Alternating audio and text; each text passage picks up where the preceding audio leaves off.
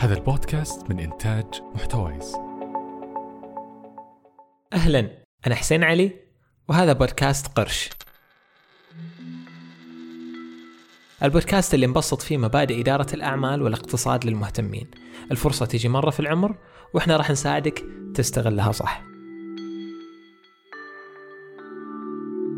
تتذكرون العبارة شهر عليك وشهر علينا؟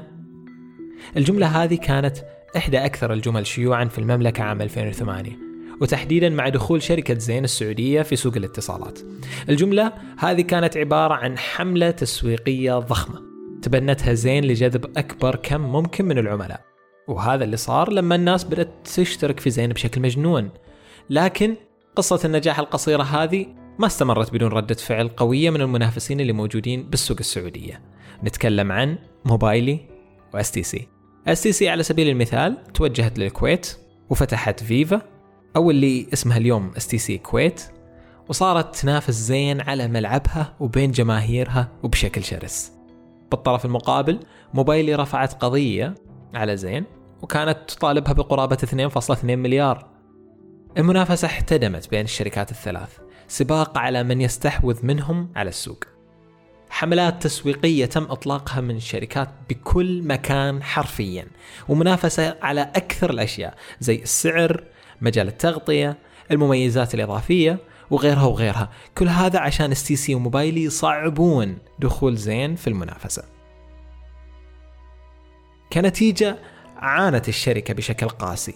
بعد تقريبا عشر سنوات كانت عجافا بالنسبة لزين بدأت تحقق أرباح في 2017 لك أن تتخيل عزيزي المستمع أن الشركة استمرت في تسجيل الخسائر وراء الخسائر من أول دخولها للسعودية في 2008 إلين 2017 لما أخيرا صارت الشركة مربحة.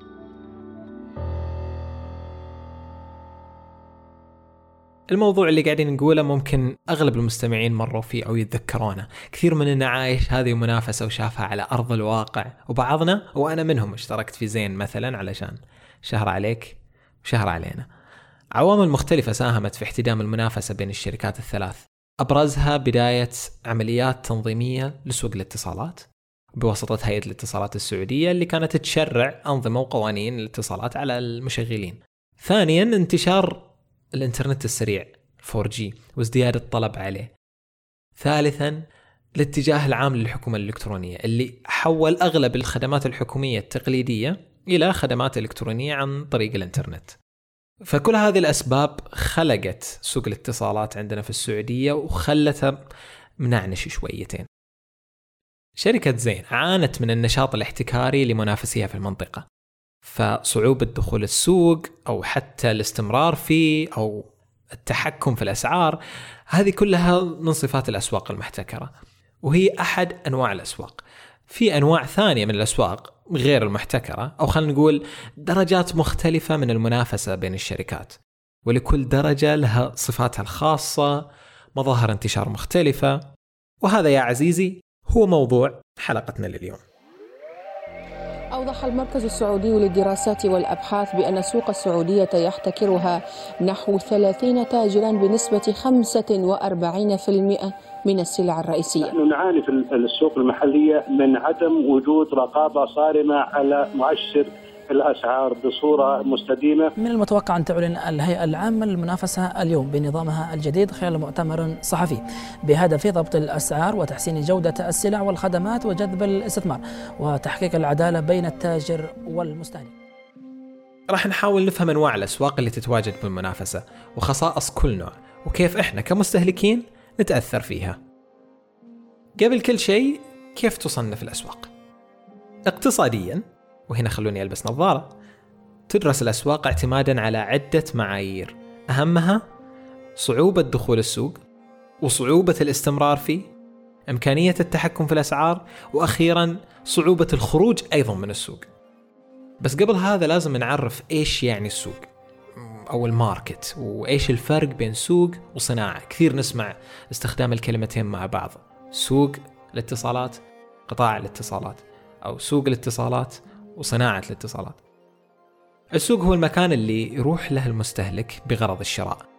ويروح له التاجر بغرض البيع تسمية الأسواق غالبا تنشأ من احتياجات المستهلكين زي سوق الخضرة، سوق الاتصالات أو سوق الجوالات وغيرها فيسمى السوق بناء على الحاجة اللي يبيها المستهلك مصطلح السوق يستخدم غالبا من قبل الشركات عشان تعرف الفئة المستهدفة من المستهلكين أما الصناعة فهي حاجة أكبر شويتين هي عبارة عن قطاع اقتصادي يمثل جزء من اقتصاد الدولة. أشياء كبيرة. طبعا القطاع يدخل فيه عدد الموظفين ظروف العمل طبيعة الأسواق زي قطاع النفط وقطاع الاتصالات وغيرهم. لاحظ عزيزي المستمع أني مرة قلت سوق الاتصالات ومرة قلت قطاع الاتصالات. الفكرة في أن السوق يعتبر جزء من القطاع أو الصناعة. الحين نرجع لموضوعنا. بغرض التبسيط وتسهيل الفهم تقسم الأسواق غالبا إلى أربعة أنواع وتمثل أربع درجات مختلفة من نسبة الاحتكار. كل نوع فيه خصائص مختلفة للسوق.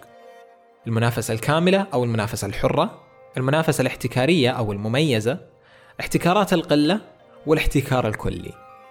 نبدأ من المنافسة الكاملة أو ال perfect competition الأسواق اللي داخلة في المنافسة الكاملة غالبا تكون مفتوحة بالكامل على مصراعيها.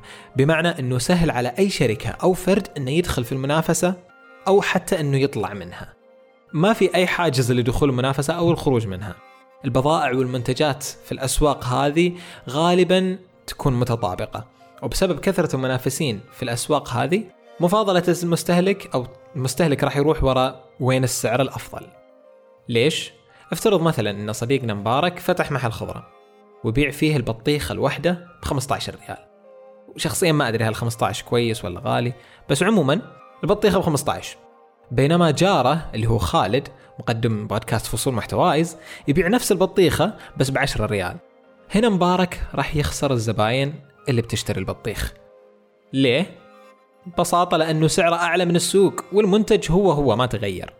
نستنتج هنا أنه في الأسواق التنافسية صعب جدا أنك تتحكم بالأسعار لأنك راح تواجه سعر السوق اللي لازم تلتزم فيه ولا خسرت زباينك. برضو نستنتج إنه كل البائعين بنفس الحجم تقريبا ما في بائع كبير يتحكم في السوق والسعر يعتمد على كل الموجودين في السوق. ولذلك الأسعار تختلف بشكل مستمر ويومي أحيانا.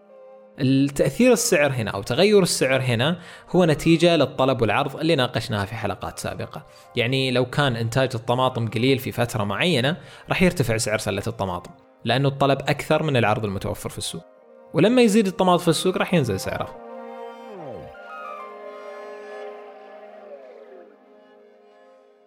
النوع الثاني هو المنافسة الاحتكارية أو ال monopolistic competition النوع هذا هو الأكثر شيوعا في العالم والأسواق وتقريبا هو الأكثر واقعية في السوق الحديث. قريب جدا من النوع الأول اللي هو ال perfect competition أو المنافسة الحرة من حيث أنه في بائعين كثر وكلهم تقريبا بنفس الحجم والزباين أو المشترين فيه كثر. بس الفرق أن المنتجات في المنافسة الاحتكارية مش متطابقة وإنما متشابهة. يعني المنتج نفسه يحل نفس المشكلة بس المنتج اللي بيعه جارك مش نفس المنتج اللي انت تبيعه. ممكن يكون في فرق أو اثنين أو أكثر تتميز فيه المنتجات من غيرها بمعنى ان البائع يقدر يميز المنتج عن المنافس وبالتالي يقدر يرفع سعره شويتين. يقدر يوفر قيمة إضافية للمشترين ومنتجه يكون مميز من غيره. مثلا خلينا نشوف سوق الأجهزة الذكية. نلاحظ أن في باعة كثر توفر منتجات متشابهة جدا وتوفر مميزات مختلفة. وعلى هالأساس الناس تفاضل ما بينهم. بعضهم يفضل الآيفون بعضهم يقول لك جالكسي والبعض منهم يفضل أجهزة الهواوي وسوني إذا كانت موجودة حتى. نستنتج من هنا أنه الباعة يقدرون يتحكمون بالأسعار إلى حد معين والدخول في المنافسة أو الخروج منها نسبيا أصعب من النوع الأول. بس تبقى سهلة. مثال آخر على هذا هو سوق المقاهي عندنا في السعودية لما كل المقاهي تقدم نفس المنتج ونفس الخدمة المستهلك يقيمهم على سعرهم مباشرة لكن لما كل واحد يبدأ يشتغل على الخدمات أو على الجو أو على التجربة مثلا زي Java Time فالمنتج هنا راح يكون مميز والقضية راح تكون مختلفة أيضا. النوع الثالث وهو احتكار القلة أو ال oligopoly. تذكرون القصة اللي بدينا فيها الحلقة؟ هذه كانت أحد أمثلة احتكار القلة للسوق. اللي من أبرز صفاتها أن السوق يتم التحكم به بالكامل من قبل عدد قليل من الثلة أو الشركات من المصنعين. بحيث يكون محتكر عند شركتين إلى خمس شركات بالكثير. حواجز الدخول للمنافسة هنا كثيرة وجدا صعبة زي ما شفنا في حالة زين. يعني كل واحد من هذول التجار الكبار اوريدي ماخذ جزء من الكيكة ومو راضي يعزم أحد عليها. زين مثلا احتاجت تراخيص خاصة عشان بناء البنية التحتية لشبكتها. كذلك احتاجت استثمارات تسويقية ضخمة من ناحية تصميم منتجاتها، ترويجها، توزيعها وبيعها في المملكة. برضو أنت كمنافس هنا في سوق احتكارية عند قلة من الشركات لا تتوقع من الشركات الثانية أنها تجلس وتراقبك كذا بدون ردة فعل. الشركات المنافسة في هذا السوق ممكن إنها تتعاون أحيانا ضد شركة جديدة عشان تمنعها من دخول السوق والمنافسة فيه. لأن هذا الشيء يعني حصة سوقية أقل بالنسبة للمنافسين الموجودين واللي مسيطرين بالسوق وبالتالي أرباح أقل. فلو فرضنا أنه في شركتين موجودين في السوق متقسمين السوق 50 50 دخول منافس ثالث راح يخليهم ياخذون ثلث ثلث ثلث. ودخول رابع راح يخلي كل واحد ياخذ ربع لو افترضنا أنهم كلهم متشابهين. وهذا الشيء طبعا ما تحب الشركات. أي تصرف أو قرار تتخذه شركة هنا راح يأثر على الباقي. واضح عندنا كيف المنافسة في سوق الاتصالات. كل شركة منهم تحاول توفر أفضل قيمة ممكنة للعميل. معنى هالكلام لو افترضنا أن موبايلي نزلت عرض تأخذ لك بيانات social media غير محدودة وكذلك دقائق اتصال مجانية ورسائل والخ إلخ إلخ. STC وزين راح يتجاوبون وينافسون موبايلي على هذا العرض. وكل واحدة منهم راح تنزل نفس العرض وتميز نفسها معه بشوية. عن طريق القيمة المقترحة للمنتج أو ال value proposition طبعا حاجة ثانية تدخل في الحسبة هي أنه تكلفة تغيير مشغل الخدمة بالنسبة لي كمستهلك تعتبر صفر تقريبا. لذلك سهل علي أنا كمستهلك أني إذا زعلت على واحدة منهم أني أروح للثانية. كله بفضل القوانين المفروضة طبعا من قبل هيئة الاتصالات. عشان كذا بالرغم من عايشين في سوق محتكرة عند قلة إلا أن هالقلة مجبورة تقدم خدمات ممتازة عشان تحافظ على عملائها. وهنا يجي دور الحكومات اللي تحد من الآثار السلبية للنوع هذا من الأسواق. النوع الرابع وهو الاحتكار الكامل أو المونوبولي وتتذكرونها من اسم اللعبة. هو عكس المنافسة تماما. من اسمه هذا السوق يكون محتكر بالكامل عند شركة واحدة. الشركة هذه قد تكون شركة خاصة أو عامة أو حتى حكومية. أبرز مظاهر السوق الاحتكارية أنه حواجز الدخول في المنافسة جدا قوية وبل شبه مستحيل على الأطراف الخارجية أنها تدخل وتنافس.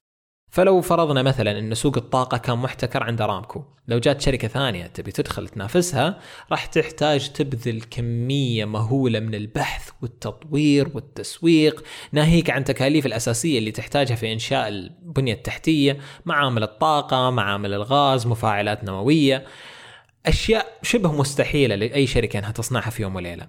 من أبرز خصائص السوق الاحتكارية إن منتجاتها تعتبر حاجة ضرورية بالنسبة للمستهلك. بحيث ما يقدر يعيش بدونها الكهرباء موية وما شابه ذلك. الشركة اللي يكون عندها احتكار كامل عندها قدرة كاملة في التحكم بالأسعار وحتى تصميم المنتج. بالعربي تقدر تسوي أي شيء تبيه لأنها ضامنة أن السوق 100% لها وما في حد بيدخل ينافسها. لكن يبقى دور الحكومة في أنها تتدخل وتمنع الممارسات الاحتكارية اللي تضر مصلحة المواطن. هنا تجي عدة تساؤلات. هل وجود الاحتكار الكامل شيء سيء في الاقتصاد دائما؟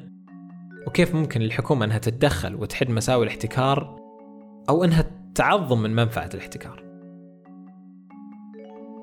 وبكذا عرضنا أربع درجات مختلفة من المنافسة من أعلى درجاتها في المنافسة الكاملة إلى الاحتكار الكامل ومن خلال تحليلنا المتواضع نقدر نستنتج أن الأسواق التنافسية بشكل عام تشتغل بشكل طبيعي بدون تدخل أطراف خارجية بسبب كثرة المنافسين وعوامل الطلب والعرض.